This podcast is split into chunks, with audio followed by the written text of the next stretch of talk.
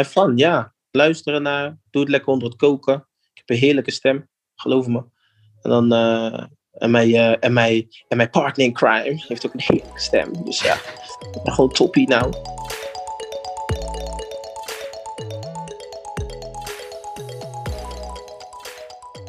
Nee, we beginnen, we gaan niet knippen, jongen. Juist niet. We gaan helemaal niet knippen. Dit is unscripted. We knippen niks. Oké, dus we zijn nu begonnen en uh, unscripted is dus gewoon raw unedited. Gewoon raw, unedited.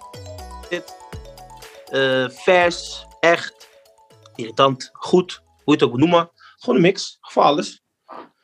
En we gaan gewoon uh, over van alles lullen. Want dat doen we graag, wij mensen, lullen. Lullen doen we graag. Wij praten we graag. Doen. Ja. En ik denk inderdaad wel dat, juist omdat wij een beetje zo apart, allebei andere wereldkijk hebben. En toch gewoon mm. elkaar wel echt uh, ja, respecteren. Dat dat dan wel een uh, interessante mix kan zijn. Ja, toch? Ik ben het eigenlijk uh, 80% niet mee eens. Maar die 20% dat, dat, dat houdt ons staande. Dus dat is ook best wel knap. Nee, maar wij zijn, wij zijn anders, maar toch niet anders. We lijken op elkaar eigenlijk in de sens. Alleen wij doen dingen anders soms. Wij denken soms anders. We zijn anders in de zin van: jij bent een man, ik ben een. Andersom. Ik ben een man, jij bent een vrouw. nee, dus dat zijn wel dingen dat anders maakt. Maar we hebben ook weer heel veel vergelijkingen in denkwijze, in hoe we dingen uh, zien. En ja. wat vind jij dat wij op elkaar lijken? Wij lijken op elkaar in mindset. In de zin van, uh, wij hebben gewoon bepaalde waarden die elkaar aanraken. Zoals? Gewoon eigenlijk Zoals vrijheid, autonomie, uh, uitgesproken mogen zijn, een eigen mening mogen hebben. Uh, wat heb je nog meer? Uh, doen wat je leuk vindt. Uh, daarin ook de vrijheid mogen hebben. Dus ook de ruimte krijgen om te mogen zeggen en denken wat we willen. Want als we die niet krijgen, dan zijn wij best wel lastig in. In ieder geval ik. En ik denk dat jij dat ook wel hebt. Mm-hmm. Want jij wil altijd wel even zeggen wat je denkt. En dat is ook wel goed. Want jij denkt iets, dus waarom zou je niet mogen delen? Eigenwijs, koppig. Ja. Ja, vind je dat we allebei koppig zijn? Ja, ik, ik koppiger dan jij. Veel, nou nee, ja, ik vind jou best koppig. Alleen, kijk, koppig, koppig kan je, kan je op verschillende manieren vertalen. Kijk, je kan koppig zijn in de zin van, uh, je hebt verschillende koppig, vind ik. Je hebt in eerste instantie koppig dat je aan het begin, zeg maar, gesloten bent. En later op jouw eigen tempo gaat, gaat kijken wat je wel gaat pakken, mee gaat nemen en wat niet. Je hebt ook gewoon koppig voor het koppig zijn. Gewoon nee is nee, ja is ja, omdat ik dat gewoon wil. En daar zit geen reden achter. Ik denk dat we dat niet per se zijn. Ik denk alleen dat, dat hoe je de boodschap brengt, dat, dat, nee, ik weet waarom, denk ik. Wij zijn koppig omdat we, denk ik, een hoge standaard hebben. Wij, wij, wij willen heel goed doen. Daar staan wij voor. We willen zo goed mogelijk presteren. En op het moment dat iemand kritiek geeft op jouw prestatie, dan kan dat wel eens als aanval komen.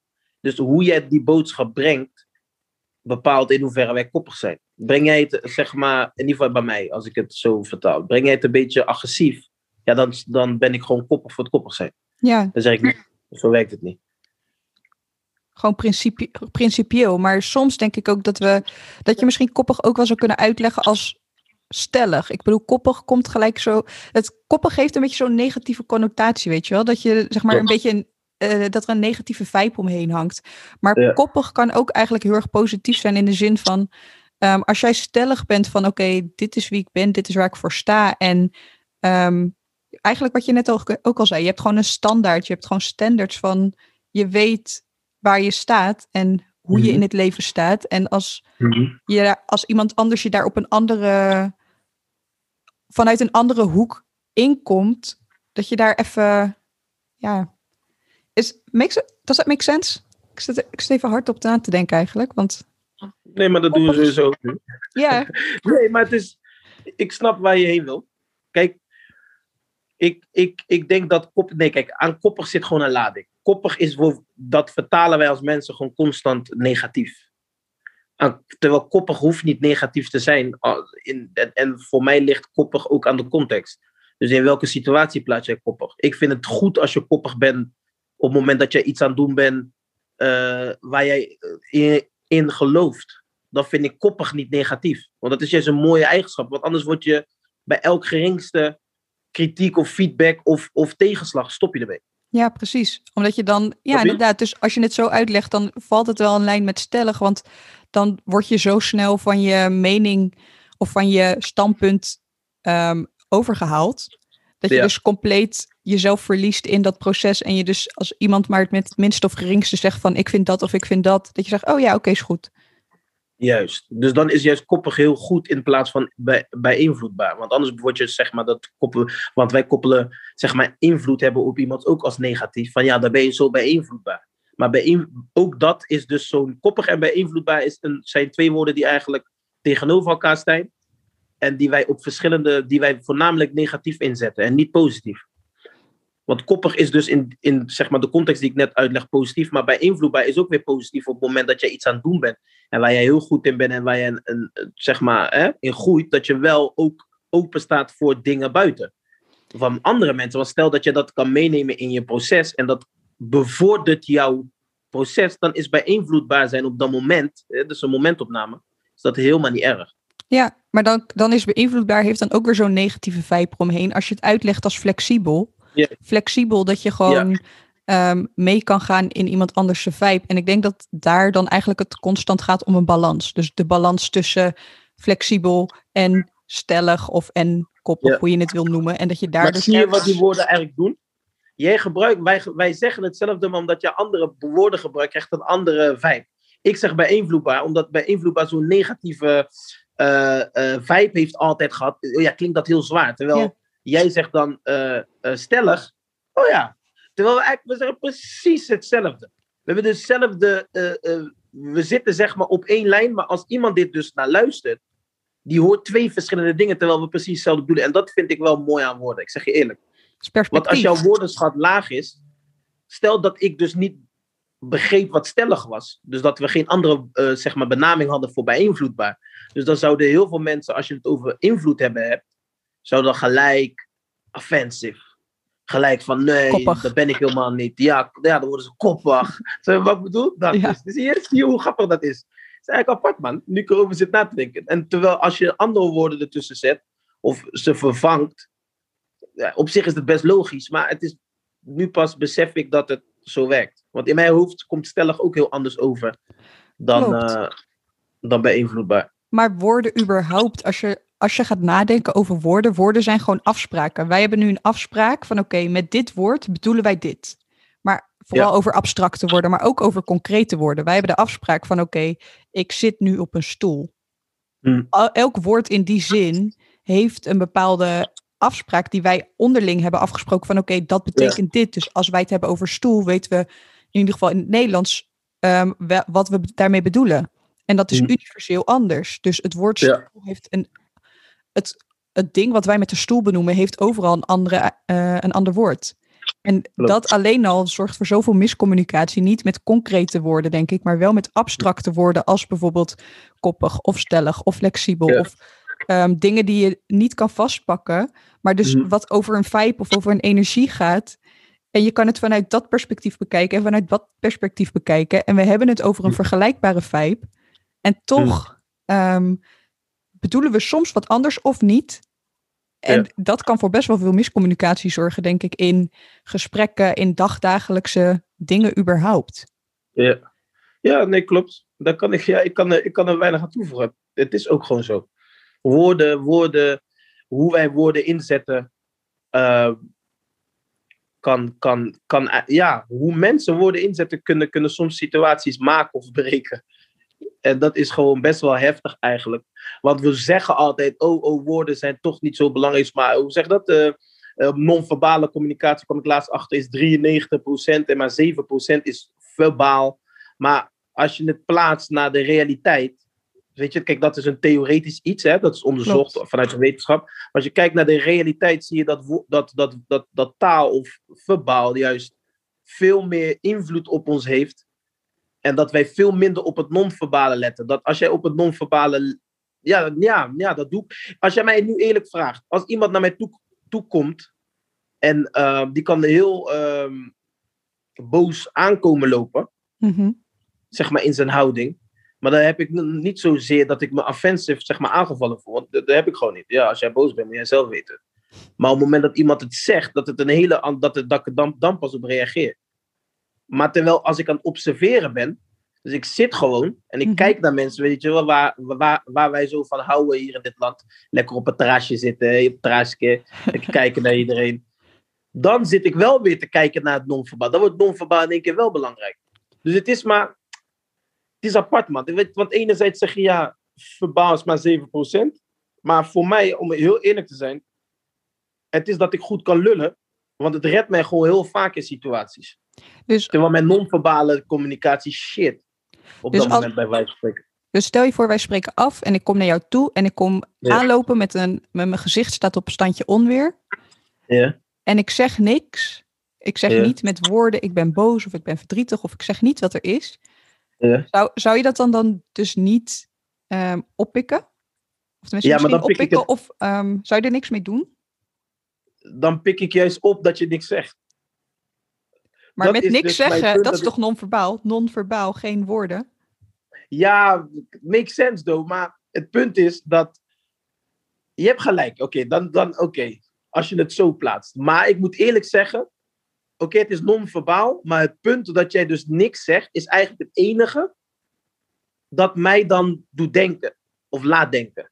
Je kijkt niet naar mijn gezicht van, oh, de gezicht staat wel echt heel erg eh, woest of zo.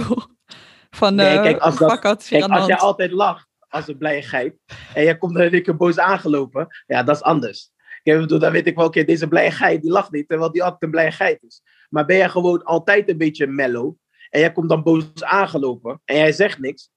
Ja, ik zeg je heel eerlijk, ik loop gewoon verder, man. Tjala, houdoe. Ja, ik ga verder met mijn dag. Omdat, dat, omdat het dan voor mij niet... Ja, misschien ben ik ook gewoon alleen maar vaak ook gewoon bezig met mezelf. Dat kan het ook zijn, hè. Dat, dat ik gewoon niet... Op dat moment dan niet bezig ben met mijn omgeving. Ik ben Ik dan denk- gewoon echt met mezelf bezig. Maar in principe, als jij een blije geit bent... En jij komt niet als blije geit aangelopen... Ja, dan merk ik het wel. Dan zeg ik, hé, vaak Ja. een blije geit. Dan ben je niet blij. Ik je? denk, dat, ik denk dat, dat wat je daar zegt, dat dat ook wel heel interessant is. Want we, hadden, we begonnen natuurlijk, oké, wat zijn onze overeenkomsten? Maar ik denk dat wij daarin dus echt wel heel erg verschillen. Als in, ik ben heel erg op mijn omgeving gefocust. En heel erg Ja. op een ruimte. Als ik ergens binnenkom, zonder dat er wat Mm. gezegd wordt, voelt het goed? Of wat voor sfeer hangt er? Mm. En dat doe ik niet eens bewust. Dat gebeurt gewoon onbewust. En soms voel ik gewoon onbewust iets aan, zonder dat ik me realiseer van, oh, dat is iets hier in de kamer. En dan ga ik bij Mm. mezelf na van, huh, komt dit nou van mij? En dan daarna realiseer ik me, oh ja, dat heeft hier iets met de ruimte, met de mensen die hier zijn te maken, of wat dan ook. Ehm, ook als ik op straat loop en weet ik veel, ik, ga, ik ben in de metro of zo en ik wil naast iemand gaan zitten en het voelt een beetje niet helemaal chill, of iemand heeft een niet een. ehm, of zijn gezichtsuitdrukking of een vibe of wat dan ook voelt niet oké, dan zou ik daar niet gaan Mhm. zitten. Dan zou ik niet denken, hey fuck it, ik ben met mezelf bezig. eh, laat ik er lekker gaan zitten, want dat is de enige plek die er is. Nee, ik, ik, ik, ik, ik, ik snap wat je zegt. Dus jij bent dus wel dus omgeven. Dus jij komt ergens binnen. Jij scant eigenlijk per direct jouw de vibe. Dus hoe mensen. vaak. Maar kijk je dan, maar kijk je dan naar, de, eh, naar, naar hoe mensen eruit zien? Of kijk je naar hoe mensen bewegen of reageren? Of wat is dan jouw, eh, jouw richtlijn? Wat, hoe, ja, want kijk, als, ik er, als je een ruimte in komt, hè, hoe jij dus nu beschrijft. Stel, er zit, je komt eh, een doktersafspraak. Ja. Of tandartsafspraak. Je komt, vaak zit je toch in zo'n wachtkamer. Dus je komt binnen. Waar kies jij, hoe, op basis van wat kies jij waar jij moet zitten? Oeh. Ehm, nou, ja, ik denk sowieso op het eerste gedeelte van je vraag, ik ben niet bewust per se aan het scannen. Ik ben me er bewust van dat ik het doe, maar niet altijd. Dus het is vaak een onbewust proces. En ik zou misschien ook niet eens heel letterlijk kunnen zeggen, oké, dit is wat nu niet goed voelt. Ik kijk gewoon, ik kijk niet eens. Ik voel gewoon, wat voelt er, hoe voelt het in mijn lichaam? Voelt, voel, Mm. Krijg ik een beetje een gekke, ges- gespannen gevoel of zo? Of, Mm. ehm, dus dat op het eerste deel van je vraag. Het tweede deel, als ik ehm, in een wachtkamer kom ehm, en waar zou ik gaan zitten? Ja, waar, wat is het? Wat Ik ga is zitten. de- ja, hoe, hoe doe je dat? Ik ga zitten, eh, vaak op een plek waar ik met mijn rug tegen de muur zit en waar ik overzicht heb. Dus het kan in een hoek zijn dat ik zeg maar zo ehm, de hele kamer kan Oké. overzien. Of ehm, bij een deur. Ehm, in ieder geval ergens waar ik overzicht heb. Dus ik zou niet zo snel, stel je hebt zeg maar een grotere wachtrij of zo. Of een Mm. grotere wachtkamer. Dus niet bij mijn dokter, maar weet ik veel. Bij de gemeente Mm. of zo. En je hebt allemaal van die rijen met stoelen. Dan zou ik Mm. niet in het midden gaan zitten of vooraan. Ik wil dan wel met mijn ogen kunnen zien wat de rest doet. Oké. Dus dan ga jij helemaal achteraan zitten. Bij wijze Dus als jij een bus instapt, ga jij naar achter. Ik ga bijna, ik zit bijna dus altijd niet- achter in de ja. bus. Met mijn rug tegen. overzicht hebt. Ja, ja. tegen die eh, dingen. Ja. Oké. En Apart. jij? Ik zoek de ruimte op. Wat bedoel je dan? Dus waar de meeste mensen zitten, daar ga ik dus niet zitten. Oké. Dus als iedereen in het midden zit, dan ga ik eh, achter of voor zitten. Zit iedereen voorin, dan ga ik naar achter. Ja, dus jij wil gewoon geen mensen in je space. Nee, het gaat nog niet zozeer om mensen, maar het gaat om de ruimte. Ik hou van ruimte. Dus ruimte is voor mij belangrijker dan drukte.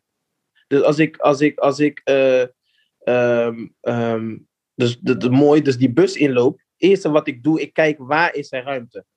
Dus ik, ik, ik, daardoor krijg ik overzicht. Want hoe meer ruimte ik heb, hoe makkelijker het voor mij is om te bewegen, om te kijken, om te doen. Hoe dichter ik op mensen zit, wordt mijn bewegingsruimte kleiner. Dus dan wordt mijn eh, vrijheid ook kleiner. Dus ga ik, dat, ja. dat vind ik niet fijn. Dus zoek ik de ruimte op. Dus het maakt eigenlijk niet uit hoe de constructie is. Zitten we in een kubus of zitten we in een, in een, in een rond, in een, in een pot of weet ik veel. In een pot? Ik zoek de ruimte op in die pot. Of ik zoek de ruimte op in die kubus. Ja, omdat, dat vind ik fijn. Maar dat, zo ben ik dus ook als mens. Ik hou van ruimte. Dus als ik geen ruimte krijg, dan zoek ik het op. En dat gaat, kan goed, goed schiks, kwaad schiks. Maakt niet uit in wat voor type relatie. Dat kan eh, familie, vrienden, eh, relationele relaties. Ik zoek ruimte op. Ik heb dat nodig. Ik heb in ieder geval het, eh, het gevoel nodig dat ik vrij ben in mijn bewegen. Dus dan hebben we het niet eens meer alleen over fysieke ruimte. Nee, dat gaat om, om, om mentale ruimte zo, sowieso ook meegenomen. Ik moet gewoon de ruimte hebben. En dat vertaalt zich echt letterlijk in alles. In het fysieke de, en, en in het mentale. En wat gebeurt Ja. er als jij, als jij dus geen ruimte meer hebt? Of als je het gevoel hebt geen ruimte meer te hebben, wat gebeurt er dan? En dan voel ik mij, ver- zeg maar, eh, ja, verdrukt. Ja, dan moet ik, dan ga ik dat, dat, maar dan ga ik het forceren. Ik ben net als een rat die, zeg maar, in een, eh, in zo'n, je weet toch van die film waar je een rat in een, in een hete bak, Ja? dan ga ik, dan ga ik door, ik ga door, ik ga, ik ga door het lichaam dan maar. Als dat moet. Oh, jij bedoelt die, zeg die maar... zoekt naar de uit, ja. Die rat heeft een uit- rat je ja, in een blik eh, dingen en dan, die zet je dan in de fik. En dan, omdat dat het zo heet wordt, wil die rat wil, die wil uit die situatie. Dus die gaat dan door het lichaam, zeg maar, het graven over om... een- om eh, Het is een, martel, Ja, een martelpraktijk. Dus dat zeg ja, maar dat je een. Je hebt toch een blik waar een gat in zit. Die, die Ja. rat zit in dat blik. Tegen die Ja. blik, tegen dat gat is een mens gebonden. En die Ja. blik wordt, dat blik wordt langzaam verhit. En de, de enige ruimte naar buiten is dus via dat mens knabbelen. Dat is wat jij even Klopt. zegt. Als dat zou moeten, dan, dan omdat die ruimte voor mij gewoon heel belangrijk is. Het wordt dan te, het wordt letterlijk te warm. Het wordt te heet. Het wordt, eh, het wordt, wordt te benauwd. En dan wil ik, moet ik de ruimte opzoeken. Voel jij dat, dat ook zo fysiek? Eh, fysiek? Nee, nou, fysiek. Niet, nou, ja, misschien ook. Als ik, als, ik, als ik bijvoorbeeld met iemand te lang knuffel, dan is het ook wel leuk geweest. Als iemand met te vaak belt, dan zoek ik ook wel de ruimte op. Ik denk dat dat wel is. Ik denk dat ik dat met, met, met, alles doe. Behalve niet met mezelf, want ik moet elke dag met mezelf dealen. Dus ik heb geen keus. Maar in principe, als, ik, als, ik, eh, als dat zou moeten, als ik mezelf even ruimte zou moeten geven, dan had ik dat echt gedaan. Even lucht, even mijn ding doen. En dan weer er volop. Ik kan niet, ik kan niet, eh, ja, ik heb ruimte nodig. Ik kan niet 24 uur 7 met iemand elke dag. Nee, dat word ik gek. Het maakt niet uit in wat type relatie. Dan is het mijn broer, mijn neef, mijn, mijn vriendin, mijn, mijn beste mattie, mijn beste BFF. Alle bestes, die alle, kan je hem op een rij noemen? Ik heb ruimte nodig. Hebben we dat niet allemaal? Ja, maar denk je niet, dat- want ik wilde net vragen, in, in welke extent, in welke, in welke vorm heb jij het? Hoe, hoeveel ruimte heb jij nodig? Want ik denk dat wij daarin eigenlijk helemaal niet zo verschillen. Wij zijn eigenlijk daarin best wel hetzelfde. Alleen wij vullen het anders in. Ik heb best wel veel ruimte nodig. In de sens dat ik hou. Ik, ik vind het gewoon chill om alleen te zijn. En dat is voor mij ook heel veel ruimte. Want als ik alleen hm. ben, hoef ik geen rekening te houden met. Hoef ik niet um, ja, rekening te houden met iemand anders. Of hoe ik mijn tijd indeel. Of wat ik ga doen in de avond of in de ochtend. Of met iemand te delen wat, hoe, wat, waar, wie, waarom, bla bla. Um, En ik wil niet zeggen dat dat per se beklemmend kan, hoeft te zijn. Want ik denk dat dat, als je dat op een gezonde manier in zou richten, dat dat prima zou werken. Maar ik heb mhm. gewoon fysieke ruimte alleen nodig. En gewoon tijd voor mezelf. Ja. Um, maar zit dat, zit dat, wat ik hoor jou zeggen, um, dan hoef ik me niet te verantwoorden, toch? Ja. Want dat, dat, dat haal ik eruit. Maar is dat, is dat, heb jij het gevoel dat je dan wel moet verantwoorden als je dus uh, met iemand of in zeg maar die ruimte niet krijgt of niet hebt of whatever? Voel jij die verplichting of zo? Bedoel je in een relatie? Nee, gewoon in general. In relatie, op werk, uh, met vrienden, um, in, in, ja, aan het daten. Ik denk sowieso met bijvoorbeeld uh, in een professionele setting met werk, dat dat een van de grootste redenen is dat ik niet uh, eh, 9 tot 5 voor een baas werk. Omdat je hmm. dan dus moet verantwoorden over hoe je je tijd hebt ingedeeld en wat je hebt gedaan met je tijd. En um, of je wel de, weet ik veel, de doelstellingen hebt behaald. Of, um, er zou best wel veel nodig zijn voor mij om echt 9 tot 5 weer voor een baas te gaan werken. Als, als ik bijvoorbeeld echt veel vrijheid zou krijgen en gewoon um, verantwoordelijkheid voor mijn eigen shit, om het zo maar te zeggen, dan zou dat misschien nog wel werken. Maar ik denk dat ik het heel moeilijk zou vinden um, om dat dus niet te kunnen. En ik zie wel dat bijvoorbeeld heel veel mensen dat prima kunnen. Dat gewoon prima uh, eh, 9 tot 5 uh, eh, op kantoor of op een andere werkzetting, wat dan ook, gewoon kunnen werken voor een baas. En ik denk dat dat, die vrijheid, dat dat mij ik voel me dan een beetje beperkt. Alsof ik dan, zeg maar, kijk, ik ben uh, soeverein, om het zo maar te zeggen. Of hoe, ja, ik ben hmm. gewoon verantwoordelijk voor mijn leven. Mijn tijd is mijn tijd. En wat je dus doet, is letterlijk het recht om te bepalen hoe jij je tijd besteedt, verkopen aan iemand anders. En hmm. daar zet je een bepaald uurtarief op. Van oké, dat is 15 of 20 of 10 euro per uur waard. En dan bepaal ik wat jij gaat doen met je tijd. Als je daarover nadenkt, dat is toch best wel. Ja, ik word daar een beetje mental van. Ik krijg dan error in mijn hoofd van dat is niet hoe ik mijn leven wil leiden. Dus dat, daar komt denk ik mijn. Dat is een van de plekken waar mijn behoefte naar vrijheid, mijn verlangen naar vrijheid best wel duidelijk naar voren komt. Maar ervaar jij dus, dus, dus als jij gaat werken, en dan, dan, maar dan vertaal jij het, hoe jij dus net zegt, dat is dan jouw beeld bij het werken voor iemand dan? Dat is het gevoel dat je erbij hebt. Of is dat letterlijk hoe jij het ziet? Wat, ik, wat, wat, ik, ik, ik hoor een beetje twee dingen wat je zegt. Ik hoor de, aan de, aan, de andere zijde vertaal je eigenlijk hoe je je voelt. Maar anderzijds kan dat ook, lijkt het ook alsof dit jouw, um, gewoon jouw beeld is van werk voor iemand. Of daarom vraag ik van, is het nou een gevoel? Of is dit een mix? Of is dit hoe jij dat gewoon ziet? Dit is deels gebaseerd op mijn ervaring. Gewoon toen ik mhm. wel 9 tot 5 heb gewerkt. Mm. Uh, ik heb anderhalf jaar of zo 40 uur per, of iets, iets, minder dan 40 uur per week gewerkt. Mm. Um, en dat kan ik doen op het moment dat ik er een grotere uh, doel daarachter heb. Dus als het een middel is om een doel te bereiken, maar niet om gewoon de rest van mijn leven mijn tijd te verkopen, om het zo maar te zeggen. Ik bedoel, ik weet niet hoe jij dat ziet, maar tijd voor mij is een van de kostbaarste dingen die ik heb. En als ik mijn mhm. tijd aan je besteed of aan iets besteed, uh, wil ik dat het goed voelt. En dat het, dit is ook waar we het eerder over hadden vandaag, mhm. dat, dat je gewoon een soort van vuurtje van verlangen voelt en dat je gewoon blij mhm. bent en dat het goed voelt hetgeen waar je je tijd aan besteedt. En dat dat dus niet zomaar lukraak van alles is. En daarmee wil ik niet zeggen dat werk lukraak van alles is, maar er zijn ook andere mogelijkheden. En ja, daarbij vind ik het gewoon belangrijk dat je volgt waar je passies en waar je verlangens liggen. In plaats van gewoon, oké, dit is wat het is. Ik accepteer het maar gewoon. En als dat ten koste gaat van mijn tijd, zo so be it. Ja, kijk. Ja, kijk, ik weet dat mensen die dit horen, die zeg maar voor een baas werken, die gaan zich natuurlijk heel erg offensive voelen. Maar goed, daar heb ik ook echt de scheid aan. Ehm, dat gezegd hebben, ik snap wat je zegt, enerzijds. Anderzijds denk ik dat, ik dat je het wel moet nuanceren.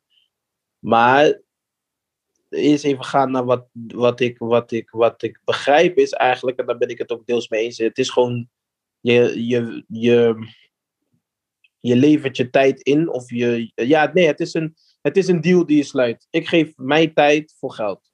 Dat is gewoon wat je doet. En ik denk dat mensen ook niet moeten vergeten dat ze eigenlijk ook gewoon ondernemers zijn. Als je voor een baas bent, ben je eigenlijk een individuele ondernemer. Je tekent ook contracten voor iemand te werken. Je bent dus niet, je bent even, eh, zij hebben jou nodig, maar jij hebt hen ook nodig. En daarom teken je dat contract. Het is een deal die je sluit. Dus eigenlijk lever jij jouw, jouw, jouw diensten en dus ook jouw tijd, dus ook jouw uh, beschikbaarheid, jouw expertise in voor Doekoe. Dus mooier kunnen we het eigenlijk niet maken. Dat is de realiteit. En dat als, ja, als dat, ik kan best begrijpen dat mensen zoiets, zoiets hebben van, ja, dan doe ik het zelf. Waarom zou ik mijn tijd en energie en expertise aan iemand geven als ik zelf uh, dat bedrijf kan zijn? Dus een soort van, ja, die compagnie kan worden. Snap je? Dus uh, daarom snap ik ook waarom mensen ZZP'ers worden. It makes sense though. Waarom zou ik het niet zelf gaan doen? Waarom doe ik, geef ik al mijn geld en mijn expertise eigenlijk? Ik verdien voor een ander. Waarom verdien ik het dan niet zelf als ik het toch van een ander doe? True. Alleen goed, ik denk dat de grootste obstakel daarvan is. Ja, zeg maar. Ja, ik wou zeggen, um, ik denk dat het gewoon heel erg verschilt wat je kernwaarde is. Dus wij hebben op het begin eigenlijk een beetje geconcludeerd van een van onze kernwaarden is vrijheid. Mm. Dus dat is dan ook veel lastiger om in te leveren. Uh, maar als je kernwaarde is bijvoorbeeld um, je veilig voelen of zekerheid hebben, Kijk, mm. ik denk dat überhaupt de hele pandemie wel heeft uitgewezen dat niks meer echt helemaal 100% zekerheid geeft. Maar mm. het hebben van een vast contract geeft voor veel mensen wel een bepaald gevoel van zekerheid en rust. Dus ik kan me ook voorstellen dat er mensen zijn die het wel doen, omdat die gewoon een andere samenstelling hebben van kernwaardes. Dus het is niet um, shade of zo. Het is goed of fout. Nee, nee, nee, ja, het is geen goed of fout. Het is gewoon wat voor mij goed voelt. En ik vind dat iedereen moet doen wat voor hem of haar goed voelt. In plaats van doen wat ze denken dat zou moeten. Zeg maar, waar leidt jouw vuurtje van op? Waar word je mm. blij van? Waar krijg je prikkels van en kriebels? En dat je van, yes, daar heb ik zin in. Daar, ik heb zin mm. om uit mijn bed te gaan en dit, uh, dit te doen met mijn tijd en hier mijn tijd aan te besteden. Ja, maar met alle respect. Ik snap wat je zegt, maar ik kan, ik kan mij niet voorstellen, maar misschien is dat, misschien is dat, dit is een hele zwart-witte eh, uitspraak die ik ga doen. Ik kan me gewoon niet voorstellen en ik, ik spreek dus ook vanuit mezelf, dat je wakker wordt en um, blij wordt van het feit dat jij 40 uur van je tijd in een week inlevert aan een ander en daar een, zullen zeggen, een redelijk bedrag voor terugkrijgt. En met alle respect, we kunnen het mooi maken, klein maken wat we willen tegen tijd zit, zit, zit, zit voor mij geen geld. Ik zeg niet dat ik niet voor een baas werk, want dat doe ik gewoon easy. Maar ik zal nooit lang voor een, ik zal nooit voor een baas werken als het geen doel heeft. Zal ik het zo zeggen. Als het niet een eigen doel betreft. En eigen met hoofdletters. Dus als ik voor een baas ga werken, heeft dat een functie. Als het mhm. geen functie voor mij heeft, doe ik het niet. Kan ik het beter zelf doen. Want bijvoorbeeld nu in de pandemie kan ik best voorstellen dat mensen die ZZP zijn, die denken, weet je wat, ik ga voor de komende zes maanden werken voor iemand. Zodat ik in ieder geval mijn rekening kan betalen. En ondertussen blijf ik gewoon mijn dingen doen. Maar goed, hè, dat is nou een beetje ook onzeker. Dat loopt even niet lekker. Maar op het moment dat die pandemie weer weg is en alles begint weer te lopen, challenge. Dat kan ik begrijpen. Dat is te vertalen. Daar kan ik echt, daar, daar kan ik bij. Want dat zeg, eigenlijk zeg ik, doe, ik maak een compromis. Ik maak een compromis, zodat ik in ieder geval kan zorgen dat ik staande blijf. En daarna ga ik weer verder met waar ik was gebleven. Maar ik kan me gewoon niet voorstellen. En weet je, en dat is ook niet, het is, het is geen goed of fout. Hè? Maar ik, spreek vanuit mezelf. Ik kan me niet voorstellen dat je wakker wordt om half acht in de ochtend, gaat werken twintig jaar lang voor een ander bedrijf en daarvoor uh, een vergoeding terugkrijgt van, zo zeggen, bruto drie doezel. Drie doezel, zullen daar afrond vier doezel. Ja, ik vind dat weinig. Want je hebt twintig jaar in, die, in, het, in het bedrijf gestopt. Twintig jaar is veel, hè? dat, dat is lang, hè? Reken maar uit. Twintig jaar. Dat is gewoon... Uh, Mijn leven is een beetje voorbij gevlogen. Maar uh, als je mij vraagt hoe lang dat heeft geduurd, voor mijn gevoel heb ik echt lang geleefd. Lang, heeft lang geduurd voordat ik uh, twintig werd. Voor mijn gevoel. Maar is vrijheid dan eigenlijk ook niet gewoon een staat van zijn? Ik bedoel, kan iets externs jouw vrijheid geven? Of kan je, je het gevoel van vrijheid alsnog hebben, ook al heb je externe omstandigheden die um, je op papier vrijheid, je vrijheid zouden beperken? Kijk, vrij, vrij, vrijheid. Ja, nee, weet je wat? Ik, daar heb ik trouwens wel iets op. Jij kan vrij zijn zolang jij het in jouw hoofd uh, zover brengt om vrij te zijn. Al werk jij, al zit jij als slaaf bij wijze van spreken ergens aan vast, nog steeds kan jij je vrij voelen. Maar dan heb je het over um, interne vrijheid en externe vrijheid. Dus feitelijk slash dus feitelijk en um, gevoel. Voor je gevoel vrij zijn. Voor ja. mijn gevoel kan ik, ben ik vrij. Ik bedoel, ik kan voor mijn gevoel altijd vrij zijn. Al zit ik vast in de gevangenis, ben ik vrij voor mijn gevoel. Ja. Maar feitelijk, dus, kijkende, dus, dus als je het bekijkt vanuit uh, feitelijke dingen, wat, als, hoe wij vrijheid vertalen, ben je dus niet vrij. Want je kan niet bepalen wat jij wilt doen, hoe jij het wil doen en wanneer jij het wil doen. Zo hebben wij vrijheid vertaald. Van oké, je bent vrij op het moment dat je kan doen, dat je wie, wat, wanneer kan je allemaal invullen. Hoe kan je invullen? Waar kan je invullen? Met wie? Oh, dat zei ik al. Dus dat kan je allemaal, al die weetjes kan je allemaal invullen plus A. Bij wijze van spreken.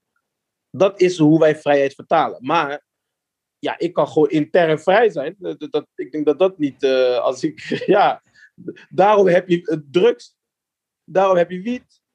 Dat soms uh, smoken mensen gewoon, gewoon om intern in vrij te zijn. Maar ja, dan kan je wel elke dag van 9 tot 5 werken. Maar als ik die wier hier ook, ben ik vrij, je helemaal weg. Maar ben je dan feitelijk vrij? Ik denk dat je intern altijd wel vrij kan zijn. Dat je als gevoel het gevoel kan hebben dat je vrij bent. Maar ik denk dat vrijheid niet alleen um, intern is. Ik denk dat vrijheid ook wordt vertaald naar externe dingen. Dus naar hoe, hoe wij, ja, dat stukje betekenis die we daarin hebben gegeven. Maar dat is inderdaad ook wat we op het begin van, de, um, van het gesprek al zeiden. Van we hebben een bepaalde energie en we geven er een woord aan. En je kan er vanuit twee perspectieven een woord aan geven. Maar je kan ook twee verschillende energieën hebben twee verschillende energieën hebben en daar hetzelfde woord aan geven. Dus ik denk wat jij, dat onderscheid wat je net maakt als in, we hebben externe vrijheid en je hebt vrijheid, mm. gewoon mentale vrijheid. Mm. Um, en voor mij is denk ik mentale vrijheid het allerbelangrijkste. En ja? ik vind dat ook een keus. Je hebt een, um, je hebt een keus om jezelf te bevrijden, als het ware, van jouw mentale blokkades. Van jouw mm.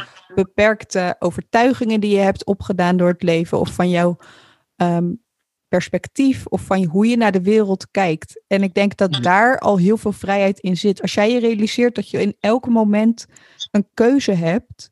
Mm. Dan is dat al, wat jij net ook al zei. Ik, heb, ik ben vrij in de zin van ik kan kiezen. En dat Um, zo kan je die mentale vrijheid vertalen naar externe vrijheid. Nee, kijk, nee, daar ben ik mee eens. Alleen, tuurlijk, wat jij intern denkt, kan jij, kan jij zeg maar vertalen naar extern. Maar wat ik, wat ik dan wel weer, um, wat ik dus het nadeel vind soms van mentale vrijheid. Ja, ik kan wel heel mooi in mijn hoofd zeggen, ja, um, bijvoorbeeld, als ik nu tegen mij, dus ja, je hebt dus die keuze. Als ik nu tegen mijn, mijn baas zeg, bij wijze van spreken, of mijn werkgever, zak bij, uh, die heet wel, ik kom niet meer. Ja, dan kom ik niet meer. Ja, ben ik intern, hè, snap je? Dat, die mentale vrijheid is er, dus dat geeft kracht. Maar als jij het doet, verlies jij je baan. En dat weet jij ook, en dat is dus die externe. En jij weet, als jij die baan verliest, kan je dit niet, zus niet, zo niet. En dan komt die lijst erbij. Dus dan vind ik dat um, op het moment dat externe um, sterker is dan, in, dan, dan zeg maar de mentale vrijheid, ben je dus niet vrij. Want jij wordt nog steeds belemmerd in jouw vrijheid. Ja. Ja, ik denk dat daar dus ook het verschil in zit. Of je kijkt, wat ik bedoel is, je hebt die mentale vrijheid en je kan het vertalen naar buiten. Hm. Maar dit wil niet zeggen dat je het moet doen. Maar dat betekent dat je gewoon realiseert in elk moment dat, dat je een keuze hebt. Dat jij, jij hebt in elk moment dat je werkt voor je baas de keuze om te zeggen: weet je wat, ik kom morgen niet meer. Hmm. Die keuze heb jij. Kijk, en, die, en dat stukje vrijheid is voor mij geen vrijheid. Hoe gek dat ook klinkt, dat is. Waar, dus de mentale vrijheid heeft voor mij geen waarde als het niet vertaald kan worden naar het externe. Dus naar een echte, wat daadwerkelijke daad. En Snap hoe- je? Dus, want hoe- dat, ja, want- is gek. Ik wil even ook het bruggetje maken naar nu die hele situatie en alle maatregelen waar we Mhm. ehm, in leven, waar we mee leven. Hoe beperkt, beperkt dat voor jou je vrijheid? Of hoe, ga, zeg maar, hoe zie jij vrijheid in, in relatie met alle maatregelen en dergelijke? En eventuele maatregelen die er nog aan gaan komen, als bijvoorbeeld een bewijs waarin je laat zien dat je dat een ik- naald in je hebt laten injecteren. Ja. Eh, Ja, dat, Ja. Dat, dat vind ik erg. Ik vind, ik, vind, ik, vind, ik vind het erg dat ik mij moet verantwoorden dat ik word. Ge nee, het, ga je eerlijk zeggen, ik, het, ik voel mij gedwongen om te leven naar een maatstaaf die ik niet zelf heb bepaald. En het klinkt heel gek, want ik ben, op, ik, ik was, ik ben ooit kind geweest en ik heb ook dingen meegekregen en ik heb ook dingen moeten leren. En ik heb daar mijn. ehm, ja, zo heb ik mijn leven opgebouwd, bij wijze van spreken. Zo heb ik mijn mindset, mijn, mijn, mijn, mijn, mijn, normen en waarden zijn, die, die komen daaruit. Maar gaandeweg heb ik dus mijn eigen normen en waarden ook aan toegevoegd, gecreëerd of veranderd of aangepast. Aan de hand van het leven dat we leiden. Maar ik, heb wel altijd ik, ik vind het wel belangrijk om altijd te doen wat ik wil.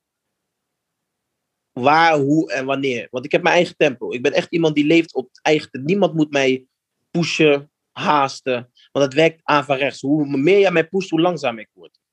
Want ik wil altijd bepalen wanneer ik iets doe. En als jij ja zegt, zeg ik nee. En dat heeft helemaal niks te maken met het ja zeggen. Maar jij moet niet voor mij bepalen dat, dat ik ja zeg. En jij kan ook niet voor mij bepalen dat, dat ik nee zeg. Dus dat is dat stukje dwars liggen. Dat is dat stukje autonomie die ik eh, altijd eh, pak. Die, die, die wil ik altijd behouden. Dus wat nu gebeurt, is eigenlijk dat mijn stukje autonomie die ik zo dierbaar ben, die wordt mij ontnomen voor mijn gevoel. Ja, ontnomen is een groot woord. Ehm, die, Beperkt. die gaat straks wegvallen. Die gaat straks gewoon wegvallen. Zullen, zullen we het daarop houden? Dat, dat, die zal worden aangepast. Dus dan kan je twee dingen doen. Of je gaat erin mee, of je vult het in hoe jij het wil. Alleen, dan moet je wel rekening houden op het moment dat ik het ga invullen zoals ik het wil, dat ik wel obstakels tegen obstakels ga, ja, kom te staan. Ik weet je, er komen obstakels op mijn weg. En ik zeg heel eerlijk, dat, dat, dat maakt mij niet uit. Ik vind het belangrijker om te doen wat ik wil en hoe ik het wil en op mijn eigen tempo, dan dan ik obstakels heb. Dus obstakels zijn voor mij geen issue. Ik, ben, ik neem de obstakels die dan op mijn pad komen, omdat voor mij de, eh, eh, het doen hoe ik het wil op mijn eigen tempo, met mijn eigen, gewoon hoe, hoe ik het leven voor mij zie, is gewoon zodanig belangrijk dat obstakels mij niks doen. Dus als ik word tegengewerkt door de staat, heel ja, geen probleem. Dan neem ik het. Dus Omdat dan zou je je laten vrijheid- injecteren? Je zou je dus laten injecteren, zodat je in ieder geval niet beperkt wordt in die vrijheden als bijvoorbeeld eh, uitgaan, vliegen. Nee, juist niet. Oh, niet? Nee, juist niet. Want, nee, het gaat meer om de mindset. Als ik niet pro-injectie ben, doe ik het niet. Ik ben, ik ben anti-injectie. Ik hou niet van injecteren van zaken waar mensen niet zeker weten wat ze gaan doen. Ik hou niet van zulke tories. Vooral wat er is gebeurd de afgelopen half, anderhalf jaar. Ik zeg gewoon eerlijk, is eigenlijk één, één onwetend, gewoon onwetendheid bij elkaar. En onwetendheid leidt nooit tot goede dingen. En voor mij is het gewoon zeker. Als jij het niet weet, als jij het dan niet zeker weet, hoe denk je nou echt dat ik het dan ga doen? Ik wil, en sowieso ben ik gewoon niet, vind ik, heb ik mijn mening over heel deze virus en hoe dit allemaal werkt. Maar dat is even een andere discussie. Het punt is meer van ehm, mijn mindset, hoe ik over iets denk, dat bepaalt hoe ik ga bewegen. Als ik zeg bij wijze van spreken, zeg van nou goed, op dit moment zeg ik die injectie neem ik niet, dan neem ik hem niet. Dus dan kan je wel komen met, ehm, ehm, ja, eh, als je hem niet neemt, mag je niet met de vliegtuig. Ja, dan pak ik de fucking boot. Als je hem niet neemt, mag je niet met de trein, ja, dan ga ik lopen.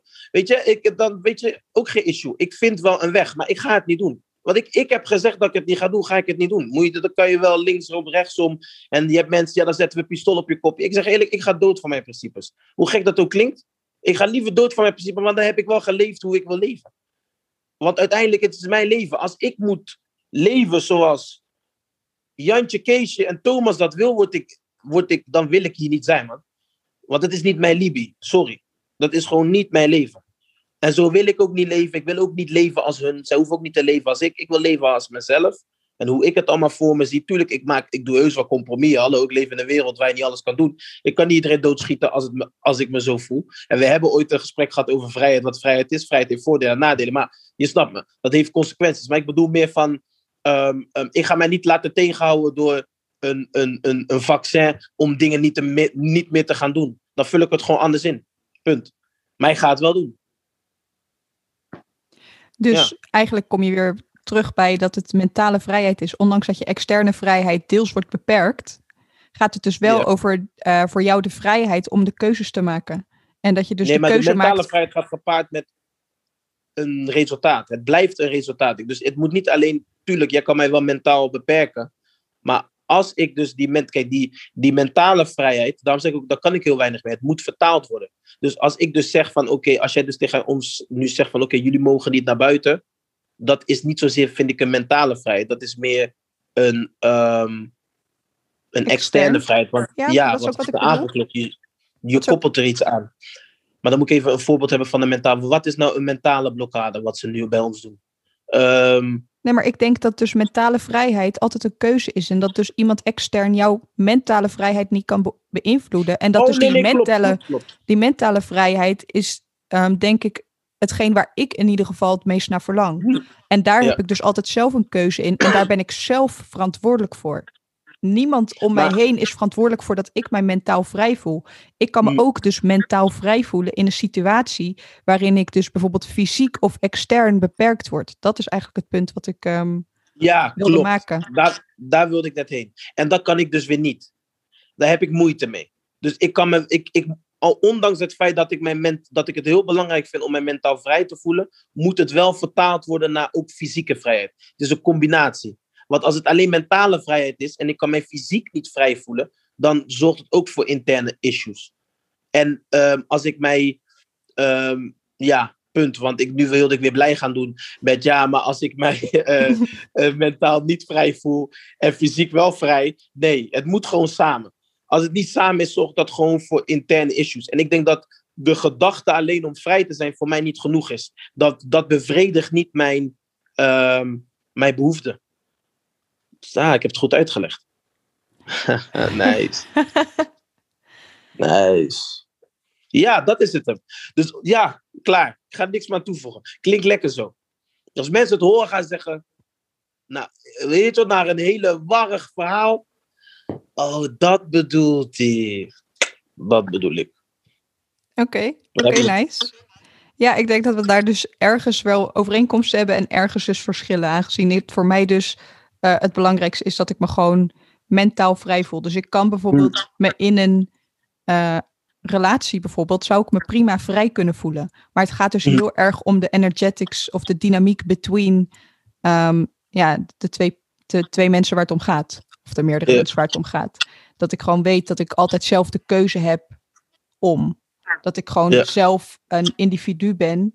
En dat ik zelf Mm. mijn keuzes kan maken. En dat, eh, net, ja, dat, je, ja, dat ik gewoon mentaal inderdaad. Ja, het, vrijheid is een state of mind. Dat is. Maar oké, even ik snel terug. Want, we, want ik, dit is mijn punt. Want nu, nu komt er iets in één keer omhoog. Is dat dan niet een beetje wat mensen doen die voor een baas werken? Die doen, die doen dat toch ook een beetje hetzelfde? Tuurlijk. En daarom die, zeg die, ik. die hebben toch ook een beetje die mentale vrijheid. Weet je wat, ik kan altijd weggaan wanneer ik wil. Maar ik zit wel nog steeds 20 jaar met mijn huis daar. 100%. Ja, dan kan ik, snap, snap, snap je, dat die stuk, die combi vind ik lastig. Ik vind dat lastig. Want eigenlijk zeg je, ik ben mentaal vrij, maar ik blijf het fysieke werk, dus de fysieke blokkades en de, eh, de, verplicht, de verplichtingen die daaraan vastzitten en die blokkades en et cetera, die, die blijf je accepteren.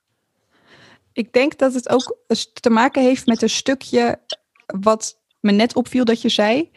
Ehm, en dat je gaf aan, voor mij zit in eh, onwetendheid zit geen zekerheid. Of iets in die, iets in die trant. ik weet niet meer precies ja. wat je zei. Het is nooit goed. Nee. Ja, on- onzekerheid is nooit goed of onwetendheid is nooit goed. En ik denk dat voor mij ehm, dat ik heel erg mezelf heb aangeleerd of ontleerd om op het onbekende te durven vertrouwen. En dat ik weet dat als ik iets niet weet, dat het Mm. ook goed komt. Dus ik heb een heel erg diep vertrouwen dat als ik iets niet weet, dus stel je voor, ik heb de keuze tussen een vaste baan of Mm. tussen iets, het onbekende en ik weet niet hoe, maar ik weet wel dat ik Mm. in ieder geval ehm, mijn rekeningen ga kunnen betalen en weet ik het allemaal, maar dat ik in ieder geval volg wat voor mij goed voelt. En dat dat Mm. dan dus niet altijd logischerwijs de keuze zou zijn waarin ik het zekerheid heb, waarin ik het Mm. controle heb, dus voor die vaste Mm. baan. Maar dat ik dan dus eerder zou kiezen voor, als dat voor mij beter voelt, eh, het onbekende, om het zo maar te zeggen. En dat ik daar dus ook helemaal content kan zijn. En dat dat ehm, ook een eh, proces is wat ik voor mezelf heb aangeleerd om dus het onbekende gewoon te, te, te durven vertrouwen op dat het onbekende ook goed komt. En je gaf net zelf ook aan van ehm, voor mij is vrijheid dat ik weet wanneer het wie, het wat, het waar, het hoe, et cetera is ingevuld. Mm. Voor mij is vrijheid ook als ik het niet weet. Het hoe, het wat, wanneer, het waarom. Oké. Dus daar Ja, zit dus, ik... ja, dus jij zoekt dus waar ik dus controle tussen haakjes. Ik zet controle tussen haakjes, want het kan ook negatief eh, vertaald worden. Maar ik bedoel het wel echt nu even zo. Dus waar, waarin Hou ik vast. Dus controle, hou vast, mooi. Waarin ik dus hou vast zoek in. ehm, ehm, ik ben het kwijt. Nee, ja, waar, waar jij dus houvast zoekt in bij jezelf. Dus ik, ik zoek houvast bij me. Dus ik ga ervan uit dat ik eh, de juiste keuze maak op basis van wat ik voel. Ben ik dus voornamelijk op zoek naar. eh, ik maak de juist. Ik zoek houvast in mijn bewegingsvrijheid. Bijvoorbeeld. Dat geeft mij houvast. Dus ik moet gewoon. Ik moet kunnen bewegen. Ik moet mijn eigen ding kunnen doen. Ik moet eh, zelf mogen bepalen. Ja, ik zoek het ook bij mezelf trouwens. We Ja, op een andere manier, denk ik. Omdat jij- alleen, we vullen het anders in. Maar Ja, we zoeken het wel in, enorm bij onszelf. want stel je en voor, stel je voor, hè? Ergens anders. Ehm, stel je voor, jij hebt dus de keuze om ehm, voor een baan aan te werken. En baan A weet je 100% wat je krijgt, hoe, ehm, wat voor werk je gaat doen, wanneer je werkt, waar, bla bla bla. Je krijgt een vast contract. ehm, en het is gewoon oké. Het Mm. is gewoon, je bent je gewoon tevreden, maar het is niet zeg maar, I don't know, eh, echt super vervullend, vervullend. En echt dat je helemaal kriebels krijgt van enthousiasme en dat je het super leuk vindt. Maar het is ook niet dat je zegt van nou, ik word er echt dooddepressief van en ik wil hier nooit heen. Dus dat is optie. Of je hebt een optie dat je dus zeg maar, je hebt wel een gevoel, of een soort van, I don't know, een, eh, een enthousiast gevoel ergens over. Over een bepaald idee of een concept. En je weet niet 100% of wat je gaat doen als je daarvoor kiest of het echt uitkomt. Je weet het gewoon niet. Je weet ook niet hoe en je weet ook niet wanneer. Maar je weet wel dat je daar veel enthousiaster van wordt. Wat zou je dan kiezen? Dan kies ik het laatste, maar dat heeft toch puur te maken met dat ik, ik zoek enthousiasme. Ik wil iets doen wat ik leuk vind. En geld is eh, daarin is wel handig. Kijk, het moet wel. Ik ga heel, heel eerlijk zeggen, we kunnen wel roepen, ja, geld is dat niet belangrijk. Ja, geld is wel in, in, in zover belangrijk dat ik weet met wat ik ga doen, dat dat ook echt iets oplevert. Dan ben ik bereid daarvoor te gaan. Kijk, het is een mix. Het is een mix van ik moet het leuk vinden, maar ook het moet, ook- het moet ook wat teruggeven. Los van alleen maar happiness en eh, voor vervulling en eh, genoegdoening. Het is ook fijn dat dat ook wordt, wordt beloofd in platas, in geld. Want ja, eh, ik bedoel, we doen het niet allemaal voor niks. Maar Dus die als garantie heb je niet. Die garantie, Nee, die en dat nee, houdt maar- vast heb je dus niet. Wat zou, zeg maar, Nee, zou je dan steeds... heb je niet, maar die mogelijkheid is er wel. Het is mogelijk om veel te verdienen. Het kan ook zijn dat je niks verdient. Da- dat bedoel ik. Dus het, het, gaat, me- het gaat mij nog niet zozeer om de amount. Het gaat me om dat er een possibility is. Ja. En eh, al was die possibility er niet zozeer. Al denk ik dat die possibility... Ik moet, ik moet het anders vertalen. Als ik denk dat die possibility er is. Ja. Dat ik daar ook mee kan verdienen. En ik heb daar plezier in, ga ik dat doen. Punt. Dat is, dat is, eh, want voor een baas werken, met alle respect, eh, al doe ik dat nu tijdelijk, eh parttime, ik vind dat heel, heel, heel, heel erg moeilijk. Maar dat dan gaat is dus... ook heel erg, heel erg stroef. Maar Ben ik heb een doel, dus dan kan ik het opbrengen. Maar het moet niet langer duren dan. Nee, en precies. ik weet ook precies, maar ik, ik loop af te tellen. Van, oh, het is bijna voorbij, het is bijna voorbij. Het is echt volhouden. Het is volhouden aan het feit van, hé, hey, eh, ik ben hier voor een reden en laat die fucking reden snel gaan. Dus het is echt een middel voor jou een middel om het doel te bereiken, als je het zo uitlegt. Maar dan is dus wel, wat je net ook zei, het, ehm, het onbekende is niet goed. Dan zou je dus alsnog met die laatste optie, met optie B, kies je wel dus voor een hoop onbekendheid. Als in, een hoop is nog vrij onzeker. Jij hebt wel een visie, maar je hebt nooit 100% de garantie dat het uh, goed komt. Nee, dus kijk, in dat zekerheid. Geval, Klopt. Nee, kijk, je hebt nooit de garantie. En ik denk dat dat ook niet is als je een contract tekent. Maar die level van, uh, kijk, eh, er zit een mate, denk ik, in uh, onzekerheid. Je hebt, je hebt een beetje niet weten, of je hebt heel veel niet weten. En daarin zit wel een verschil. En daarin gaat ook iedereen anders mee om. Er zijn mensen die weten helemaal niks, die gaan gewoon. Kijk, dat vind ik ook weer het uiterste voor mij. Dat is echt, dat zijn de, de seekers. Weet je wat? Ik pak nu mijn spullen en gone. Ik zie wel, maat. Ik heb, ik heb doekoe nu. Of ik heb, dit is mijn plan. En dan ga kijk, dat, dat, dat vind ik weer het uiterste. En ik hoef ook niet, uh, het andere uiterste is dat je precies alles uitgedokterd hebt. Dat hoeft van mij ook echt niet. Maar ik zit gewoon ergens daar tussenin. En als dat, als het goed genoeg is voor mij, als ik dus alle de belangrijke punten daarin uh, duidelijk voor mij zijn. En de rest misschien, uh, stel dat 40% nog onduidelijk is. Dan maakt het, dan maakt het mij niet uit. Want dan, is, dan is voor mij is het dus genoeg. Er is genoeg uh, duidelijkheid om het te, ervoor te gaan, zou ik het zo zeggen. En ook hoe ik het bij jou ervaar. heb jij ook gewoon een bepaalde mate van zelfverzekerdheid? Dat je eigenlijk gewoon ook heel erg op jouw eigen uh, capaciteiten en jouw kunnen en jouw passies vertrouwt. En dat je ook gewoon vertrouwt en weet van, ik vind dit gewoon leuk om te doen en ik ga daar gewoon wat van maken omdat ik het ook gewoon leuk vind. Maar dat je daar dus wel ook een bepaalde mate van zelfvertrouwen in hebt. En ik denk dat dat best een, uh, dat dat niet iets is wat iedereen standaard heeft. Ja, ik heb, ik, heb, ik heb denk ik het geluk gehad dat ik uit een omgeving kom waar ik gepusht ben om uit te gaan van mij. Dus daar waar ik in gestimuleerd ben om uh, op mezelf te mogen en moeten vertrouwen. Dus jij kan dit. En het maakt niet uit wat het is, jij kan het. Als jij denkt dat jij het kan, kan jij. Als je dat meekrijgt, en ik denk dat dat wel essentieel is, krijg je een bepaalde level of. Ja, ze noemen het, uh, sommigen vertalen het als arrogant, maar dat vind ik niet terecht. Want arrogant is zo breed. Dat is, dat, wat arrogant vind ik een, te makkelijk, is, is te makkelijk. Want het is gewoon zo, weet je, wij gooien maar arrogant op, want het is makkelijk. Het is oordelend. Ik denk dat, juist, want dan hebben we het maar ingevuld. Ik denk dat, het, dat je, je krijgt een level of um, um, zelfverzekerheid dat eigenlijk, um, uh, waarin je soms als, zeg maar, als gek kan worden verklaard. Dat mensen niet zien wat jij, wat jij, wat jij, ja, wat ik zie en wat ik denk dat ik kan. Want zij beoordelen jou op basis van wat zij zien. Maar zij weten niet wat ik allemaal kan of denk te kunnen. En daarin, in te denken te kunnen en te kunnen, daar zit wel heel veel tussen. Maar als ik, maar het begint wel bij de gedachte van dat ik het kan. Klopt. Want als ik denk dat ik het kan, dan is de weg naar het kunnen, het ligt dan bij mij. Dus je legt de, het lot in je eigen hand. Je geeft het niet weg. Ja, je hebt die verantwoordelijkheid, hou je bij jezelf. En wat je daar net ook zei, vind ik wel echt. Ik wil dat gewoon even nog even uitlichten. Uh, want jij zegt, ik denk dat ik het kan, dus dan kan je het. Als je denkt dat je het kan, dan kan je het. En dat, dat geloof, dat die, um, I don't know hoe je het wil noemen, maar die overtuiging, hm. dat is goud waard. Want ik denk dat dat niet van nature in iedereen wordt geïnstalleerd, om het zo maar te zeggen. Nee, nee, nee. Dat is echt geen. Dat is ehm, omgeving, opvoeding, mensen om je heen. Uh, maar, maar daarom zeg ik, ik heb het geluk gehad. Ik zeg ook erbij, omdat ik me bewust ben dat dat geen gegeven is.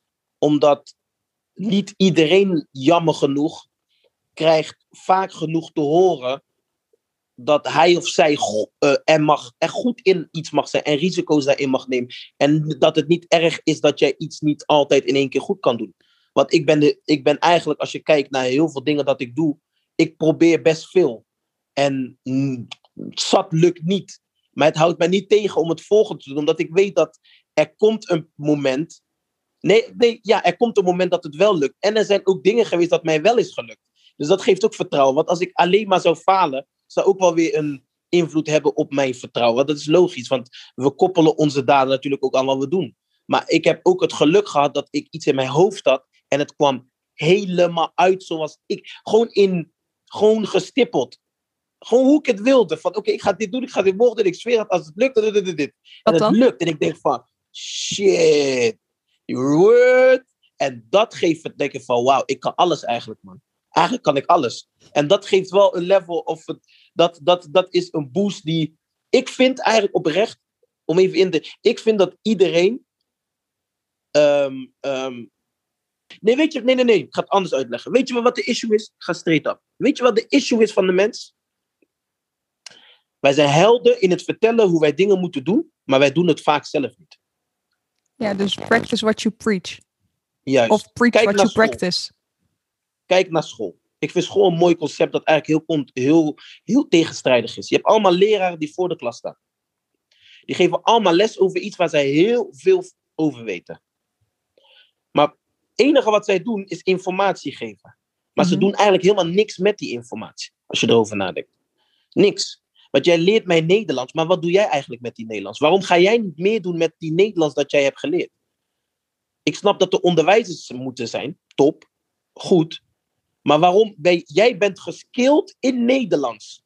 Waarom zie ik de geskilde persoon dan niet geskilde dingen doen met die Nederlands? Dat heb ik altijd van, ja, ik ben, eco ik, ik ben economiedocent, jij weet alles over economie, maar je bent zelf geen econoom. Maar soms komen ze wel uit het bedrijfsleven of bepaalde Ja, Nederlandse docenten hebben boeken Ik- geschreven of zijn Ik poëten. Of, nuanceer het. ja. Ik nuanceer het, want het is niet overal. Want je hebt ook op de universiteit heb je gewoon mensen die zijn gewoon zijn gaande. En ze vinden het gewoon leuk om les te geven, want ze willen hun visie uit. I get it though. Maar ik bedoel, er zit gewoon een grote groep. Ik heb het dus nu tegen de groep die er niks mee doet. De groep die er niks mee doet, zou er misschien best wel iets mee willen. Maar omdat zij denken dat ze het misschien niet kunnen, doen ze het niet. Of van ja, laat mij maar dit doen, want oh, er zijn al zoveel die het doen. Al zijn er de 10.000 die het doen, let, dan ben jij de 110, ben jij de 10.000ste één. Simpel. Als dat is wat jij wil doen en jij denkt dat je het kan doen, doe je het. En ik denk dat wij gewoon te veel dingen overdenken. We denken te veel in eh, overwinningen. In, oh, het moet maar lukken. Nee, het hoeft niet altijd te lukken. Doe het gewoon. Maar het is ook perspectief. Want wat ik jou ook echt heel duidelijk hoor zeggen is... Ik heb heel veel dingen geprobeerd. Heel veel Hmm. dingen zijn misschien niet gelukt. En er Hmm. zijn een paar dingen wel gelukt. En Hmm. ik heb mijn confidence gehaald uit de dingen die wel zijn gelukt. En Ja. ik denk dat daar een heel groot verschil in zijn. Want het is maar net via welk perspectief je kijkt. Want je had ook kunnen kijken van shit man, al die dingen zijn niet gelukt. Ja, ehm, weet ik veel. De mensen in mijn omgeving zeiden wel van als je denkt dat je iets kan, dan kan je het. Maar zie je niet hier al het bewijs van de dingen die niet zijn gelukt? Dan kan ik het toch niet? Dus het is maar net vanuit welke bril je kijkt. Kijk je vanuit de positieve bril en zoek je naar die positieve bevestiging van de dingen die wel zijn gelukt? En is dat dus waar je focus heen gaat? Of focus je je op de dingen die niet zijn gelukt? En ik denk dat daar gewoon een heel grote, ehm, een hele belangrijke Ja. mindset in zit. En ik vind dat, ehm, ja, dat is gewoon iets wat ik heel erg bewust in jou waardeer. En wat me ook, ehm, zeker op het begin, toen eh, we met elkaar gingen omgaan, me heel erg heeft geïnspireerd om ook meer te doen wat ik Mm. leuk vind. Dat heeft me wel Mm. daar ook, een, daar heeft daar ook wel een steentje aan bijgedragen dat ik ehm, ook voor dit pad kies. Voor een pad waarin ik doe wat ik leuk vind. Ja, maar dat is toch wat menselijke relaties. Nee, Ja, dat klopt, zijn. klopt, klopt, klopt. Nee, wat je zegt, ja, kijk, maar ik, heb, ik ben me er zelf misschien niet zo bewust van, omdat het voor mij normaal is om, de- om, het, om het zo te doen. Het is voor mij een, een, een ik, ik, ik zou niet anders kunnen en niets anders willen. Maar ik denk dat ook wat, wat ik wel even snel wil toevoegen, is, dat, daar hebben wij het wel eens ook over gehad, is van ehm, ehm, kleine overwinningen zijn ook overwinningen. Want ik denk dat wij wel eens vergeten dat op het moment dat jij een idee hebt, ehm, wij, wij refereren altijd heel snel naar de, naar de grote dingen, naar de apples en eh, alles wat maar groot is, eh, wat, alles wat groot is opgebouwd, dat is onze referentiekader. Maar dat is helemaal niet zo. Ik vind al, eh, het, het is al een overwinning dat jij op een maandag wakker werd en besloot ehm, ehm, een, wat, wat een, een nieuwe wasmachinemerk te beginnen en dat jij op een eh, eh, zes maanden later dat daar gewoon echt een wasmachine staat met je oude- eigen logo erop. En dan is het nog ineens of het werkt of niet werkt, of het top is of niet top is. Dat is een overwinning, want jij hebt van een idee een product, zeg maar een, een productidee, heb jij gewoon een product gemaakt die er staat in jouw huiskamer. En dan is maar nog, nog maar de vraag of die trommel wel goed draait, of alles wel goed functioneert. Maar het staat in jouw huis. Dat is een overwinning op zichzelf. Want wat heel, daar zit zoveel werk in om dat voor elkaar te krijgen. Ik denk dat wij niet meer um, kleine, zeg maar, de kleine dingen appreciëren wij niet meer. Terwijl alles wat wij doen begint klein. Er is niks dat wij doen dat groot begint. Niks. Er is geen ziekte, geen gesprek, geen liefde, geen, geen, geen, geen plant, geen groei. Begint allemaal klein. Maar begint met een zaadje. klein over. Het alles is met... zaad. Alles is zo, is, zo, is zo klein. En dat groeit en dat wordt iets. Maar wij, wij skippen zeg maar die hele fase om alleen maar te kijken naar kijk hoe groot het is. Nee, kijk hoe groot het is geworden. Jij wil van een, van een plantje naar een boom. Je wil, mensen willen van een, weet ik veel, van een zaadje naar een boom. En dat is zeg maar, ze skippen die hele proces.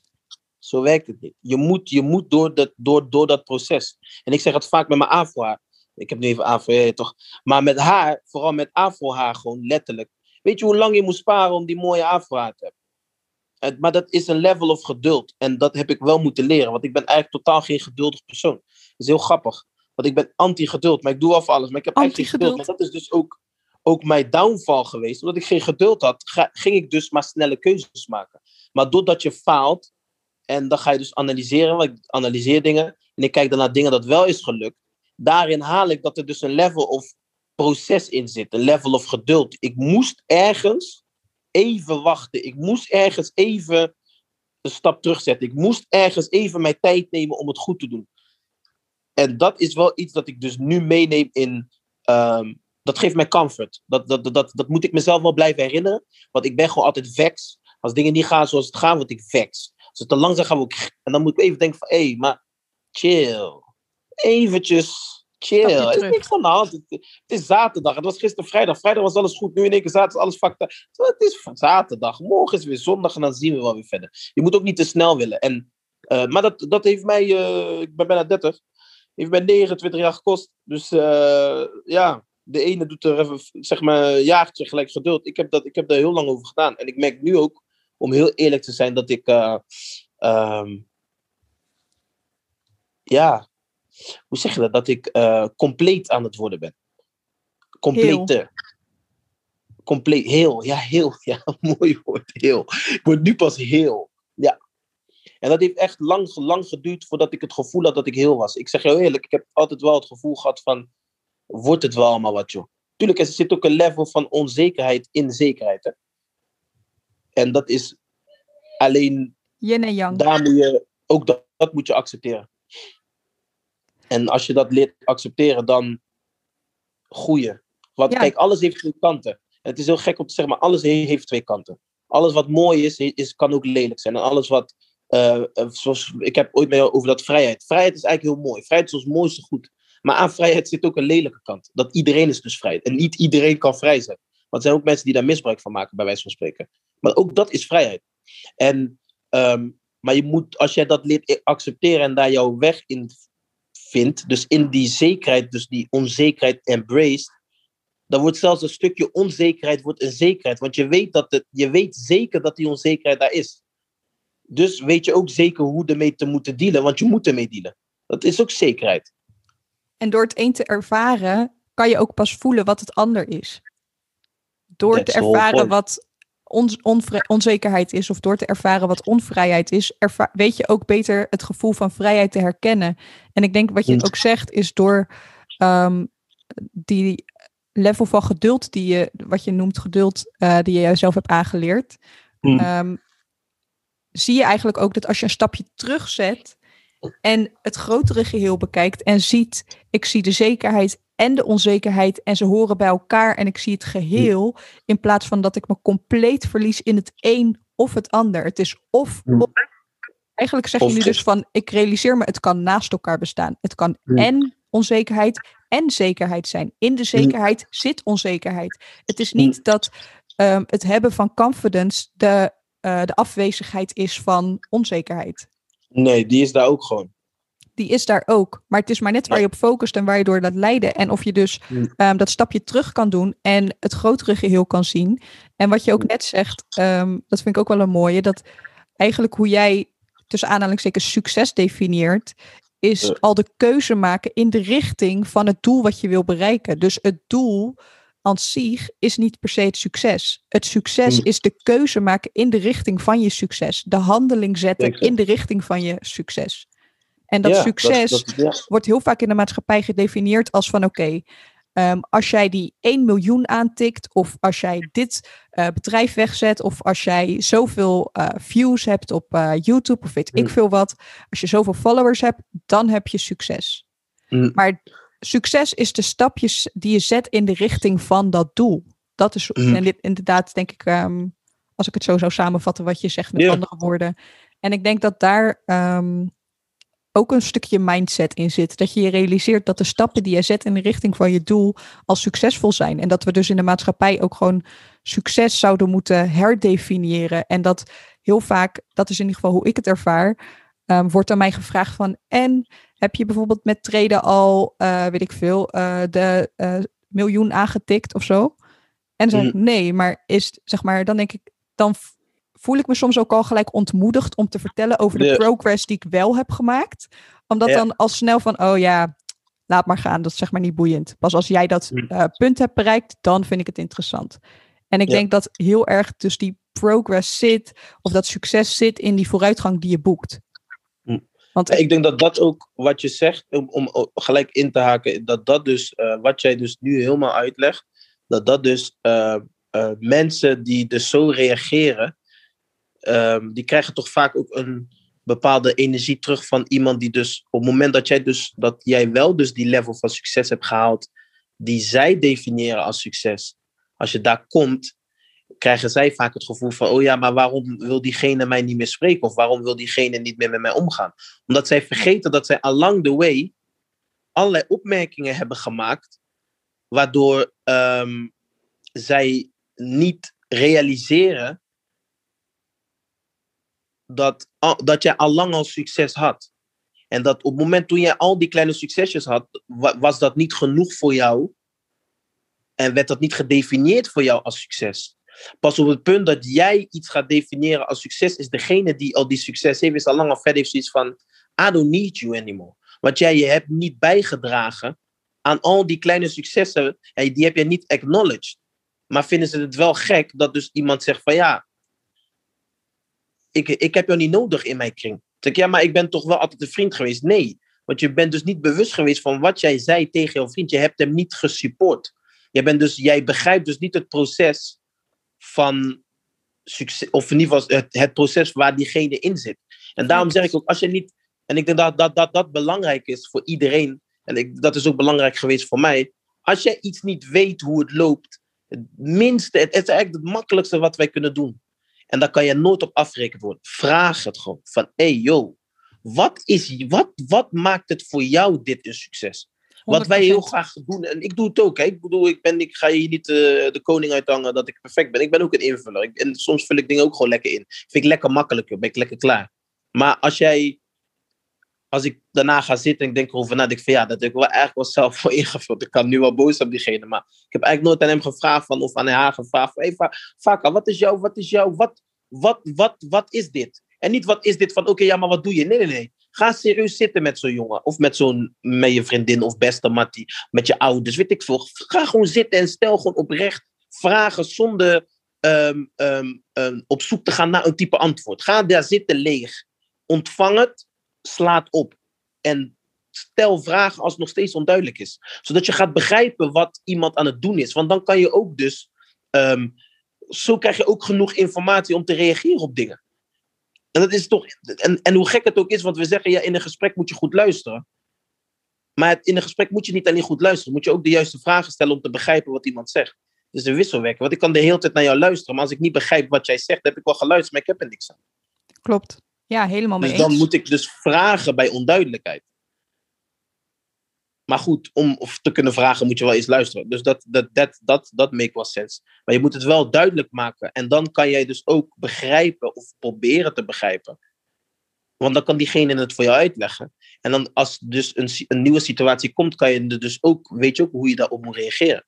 Want dan wordt het makkelijk. Want als ik weet wat jouw doel is en wat jouw level van succes is en wat jij hiermee wil bereiken, wordt het voor mij ook makkelijk om te begrijpen als jij, uh, zullen we zeggen, jij hebt uh, uh, twee doezel gemaakt in een tijdbestek van acht weken. Begrijp ik van, hé, hey, aangezien ik weet hoe die proces voor jou dus werkt, ik van, hé, hey, dat is een hey, gaande man. Is mes. Terwijl voor een ander twee doezel, als wij een andere, als jij iets, mij iets anders hebt uitgelegd wat voor jou succes is en twee doezel valt daar eigenlijk helemaal onder, zeg ik van, mm, schade man.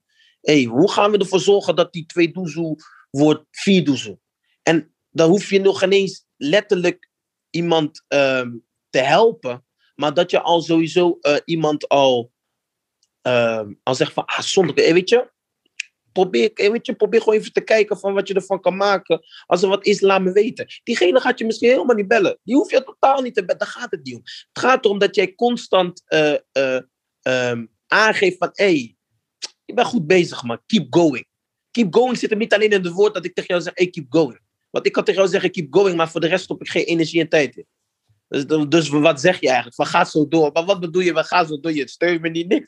Ga zo door, duimpje op en ga zo door, man. Wat, terwijl iemand die helemaal niet ga zo door zegt, wel constant met mij bezig is van, hé, hey, ik hoorde van, hé, je hebt die stap. Oké, okay, oké, okay, luister, oké, oh, ja, chill, man. En dus ik, nu ben je wel van 2000 naar 600. Hé, hey, dat wat sneller dan je had verwacht. Dat geeft nog veel meer. Ik denk van, hé, hey, deze man is echt met me bezig, hoor. Hij volgt wat ik aan het doen ben. Hij wil echt dingen van me weten. Hij, hij, hij bekommert zich om mij oprechte interesse in wat iemand doet. En hoe iemand zijn leefwereld en perspectief en belevingswereld eruit ziet. Hoe erg die belevingswereld ook van die van jou kan verschillen. Juist, en, en als je het dus... niet weet, vragen. Heel simpel. Als je ja. het niet weet, vragen. Als ik niet weet wat, wat treden is, en ik weet ook helemaal niet, ik heb daar geen beeld van, en ik weet ook niet hoe dat werkt, dan vraag ik het aan je. Hey, wanneer, hoe werkt het? En wat is het voor jou? En de, zodat ik het een beetje kan volgen, wat het inhoudt. En dan hoef ik nog ineens de ins precies en de outs van de general te weten. Maar dan weet ik in ieder geval, oké, ze is dit aan het doen. Ze heeft mij die Tory laten zien. En ik vraag om de zoveel tijd, hé, hey, waar zit je nu met? Want ik heb nu gemerkt, want we hebben een maandje geleden gepraat. Zijn vier weken verder, we hebben drie maanden geleden gepraat. We zitten nu op, twee, op twaalf weken. Nou, in principe, aan de hand van jouw schema, zou jij hier en hier hier moeten zitten. Waar zit je nu? Weet ik veel. Maar dat laat wel zien van, hé, hey, um, uh, uh, ik, ben, ik, ik, ik heb jou gehoord. Ik weet wat jij, waar jij mee bezig bent. En dat is dat zijn kleine, eigenlijk hoe gek dat ook is, het is eigenlijk iets heel kleins, maar het is, voor, het is zo klein, maar zo waardevol als iemand dat oprecht doet.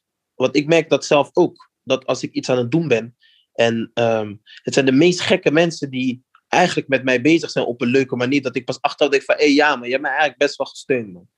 Hoe gek het ook klinkt. Je bent echt met mij bezig. Terwijl van de mensen waarvan ik het verwacht, die dat veel minder doen, maar die geven wel meer props. Terwijl eigenlijk in het proces hebben ze eigenlijk helemaal niks gedaan. En dan heb ik het niet zozeer dat ze het letterlijk doen, want je doet het uiteindelijk zelf. Maar gewoon in het proces dat ze niet jou de. Al wil je. Al, al stellen ze een vraag zodat je je even kwijt kan wat jij wil melden. Want, want dat, dat wordt ook wel eens denk ik vergeten. Dat je niet altijd kwijt kan waar jij mee bezig bent. Zoals je net zegt, van uh, soms zeg je iets tegen iemand. En heb je al geen zin meer om te melden, omdat diegene heeft al ingevuld wat voor hun of haar of whatever al is wat zij, eh, eh, wat, is wat, wat, wat zij denken dat je aan het doen bent. Of een miljoen moet het zijn, want als geen miljoen is, niks. En soms heb je iemand nodig waar je gewoon even wil sperzen, even je verhaal kwijt moet, even wil vertellen, hey, luister, ik heb dit meegemaakt, zo, zo, zo. En ik zeg eerlijk, ik had stress, maar was wel master, want nu heb ik wel geleerd dat ik, ik heb misschien die doekoe verloren, maar nu weet ik wel van, hey, volgende keer, als die dingen die komt, doe dit, dit, dit, dat. I don't know wat het hele verhaal is, maar dat is iets kleins dat weer iemand vooruit want het is het kwijt, kan weer een volgende stap zetten. En dat zijn wel, en ja, en daar kan het wel eens fout gaan. Dan mensen het dus bij andere mensen gaan zoeken. Eh, die dat wel geven. En dan vinden, ja, en dan, voelt, en, dan, en dan voelt een ander zich, ja, maar ik heb jou toch gesteund. Ja, je hebt mij alleen gesteund om te zeggen, ga zo door, maar dat is geen steun. Steun zit er niet alleen in, in, in, in het zeggen dat je iemand steunt, zit gewoon ook in het doen, het laten, het groot-klein. De betrokkenheid. En de betrokkenheid, um, um, ja, ja, ja. Ja, dat, ja ik ben het 100% met je eens. dat, dat is gewoon. Ja, ik zat er even na. Ik zat even in mijn moment. Ik zat even in mijn praten, in die moment dat je erin zit. Ik zat er even in. Ja, ik, ik zat, zat er gewoon over na te denken. Dat dat best wel een ding is. Ja. Je zat even Nee, in die unscripted flow. Ja, ik zit echt in die unscripted flow. Is beter unscripted. Niet allemaal script, gewoon waar wij vandaag over voelen, daar praten we over. Volgende week weten we wel weer waar we zijn. Misschien praten we volgende week over zelfmoord en zo. Zoals, ik net zei. En dan praten we, de week daarop praten we over slippers. Weet ik veel. Dat, dat is fijn. Het is fijn dat je gewoon even van hot naar her. Ik denk dat iedereen dat wel een beetje nodig heeft. Ik denk dat wij te, te, te scripted zijn. Wij worden gescript vanaf groep 1. We worden helemaal gescript in hoe we moeten denken, voelen, bewegen. Allerlei patronen, regels. En we zijn soms gewoon bang voor onze eigen unscripted thoughts. Zeg maar, wij hebben soms gekke gedachten, sommige gekke freaky, eh fetish dingen. Ja, als je dat denkt, Jos, deel het, Jos. Er is helemaal niks mis mee. Dat is normaal. Zolang je het denkt en niet bijvoorbeeld gelijk doet, is dat altijd goed. Nee, maar dat is ook eigenlijk precies wat jij net zegt, als in dat die. ehm, je weet niet wat dus bijvoorbeeld, laten we het dan over freaky gedachten hebben. Je weet niet wat dat voor iemand betekent. Dus als je daarnaar vraagt en dat probeert te begrijpen vanuit die persoon zijn belevingswereld, ehm, Mm. zonder dat je er in komt met gelijk een oordeel of zonder dat je erin komt met gelijk ehm, een mening. En dat je Mm. dus wat je net zei, dat je er gewoon blanco in gaat en gewoon gaat luisteren. Dan Mm. heb je denk ik al een heel ander uitgangspunt van gesprek dan als je dus aankomt met je aannames en met jouw visie van hoe het zou moeten zijn. En ik denk dat dat dus ook een heel groot deel, dat je dat ook zou kunnen uitleggen als inderdaad wat jij net zegt van eh unscripted. Je komt blanco. En ik weet niet Mhm. in hoeverre wij mensen dat 100% kunnen, want je zal altijd beïnvloed zijn door bepaalde gedachten of ehm, visies of ehm, aannames of opvoeding en omgeving en dergelijke. Maar dat je dus wel zoveel mogelijk probeert en om in ieder geval eh, open te luisteren naar wat iemand zegt. En als dat dan, wat jij net zegt, gaat over eh, onconventionele dingen of dingen waar een taboe op zit of dingen die niet sociaal geaccepteerd zijn, die zijn niet. ehm, een taboe is een taboe omdat wij ervan eh, met de massa een vanuit de grootste groep een aanname over hebben gecreëerd en dus niet hebben Mm. geprobeerd het te begrijpen. Het is ook goed, joh. Het is eigenlijk soms ook een beetje goed. Het is goed om, om, om ehm, tegengeluid te hebben en dat, dat er iemand is die anders denkt. Maar ik denk dat je daar gewoon in wel gewoon je keuzes moet maken. Waarin ga je mee en waarin laat je het los? Je moet je energie ook gewoon bewaken. Want je hebt, kijk, het kost ook gewoon heel veel energie om constant eh, daarin mee te moeten gaan of constant een reactie daarop te geven. Iedereen heeft zijn keuze, alleen niet iedereen kan die keuze maken. En ik, maar ik vind wel dat iedereen die keuze moet kunnen maken. Iedereen, iedereen moet die vrijheid hebben, alleen die vrijheid heeft niet iedereen. Dat is de realiteit. Alleen de- de- hoe, hoe het wel hoort te zijn, is dat iedereen gewoon zijn keuze mag maken. En of die nou goed of fout is, wel mainstream, niet mainstream, dat moet gewoon, dat, maar dat moet geen reet uitmaken. Dat is Iedereen helemaal niet belangrijk. Iedereen moet gewoon zichzelf kunnen zijn. Juist, En ik, denk, juist. en ik denk dat dat ook En- wel Ja. een, een mooie is om eh, mee af te ronden. In de zin Ja. van iedereen is gewoon zich, mag, moet gewoon het recht hebben om zichzelf te zijn, om gewoon zelfstandig te kunnen leven. Nou, ja, iedereen moet gewoon zichzelf kunnen zijn. Punt. Ik denk dat dat een mooie Ja, is. het, het, het, het klinkt zo ehm, eh, cliché, eigenlijk. Als ik het zo denk, ja, het is cliché, man. Het is kapot cliché. Maar eh, hoe cliché het ook is, eh, onze hele wereld waar we leven kan soms cliché zijn. Maar al die cliché dingen kunnen ook gewoon soms eh, accuraat zijn op dat moment. Maar, wat, maar ik vind wel echt dat dat zo is. Ik vind dat, dat, dat je gewoon je eigen ding mag doen. En moet kunnen doen.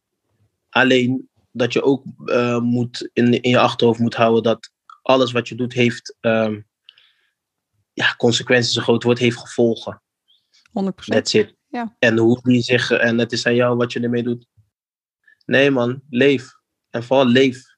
Durf, durf stappen te maken, durf te ondernemen. En durf, eh, probeer kleine overwinningen ook te waarderen. Het moet groeien. Geef het de tijd. Is geen haast. Maar durf wel te leven. Want echt waar, en dat meen ik op de grond van mijn hart, ik ben bijna 30. Je krijgt spijt van dingen als je dingen, bepaalde dingen niet hebt gedaan. Want sommige dingen kan ik niet meer. die had ik nu echt zeker wel weer willen doen. En ik weet gewoon dat het anders gaat zijn als ik het nu doe. En ik ga het wel doen, maar het heeft wel onnodig lang geduurd. Eens. Ja, man. In Nice. unscripted. Ja. Unscripted flow. I like it. Ja. Yes. Thanks voor het luisteren allemaal. ja. Have fun with it. Oké. Nee, was toppie, man. Was leuk. Yes. Leuk. En eh, wij zijn unscripted, dus we weten niet wanneer de volgende komt. wanneer het komt, hoor je, hoor je het vanzelf. Maar dat is echt toppie. Dankjewel voor dit gesprek. We hebben onszelf geen eens voorgesteld. Maar ik ben Luciano Eritier Conslação.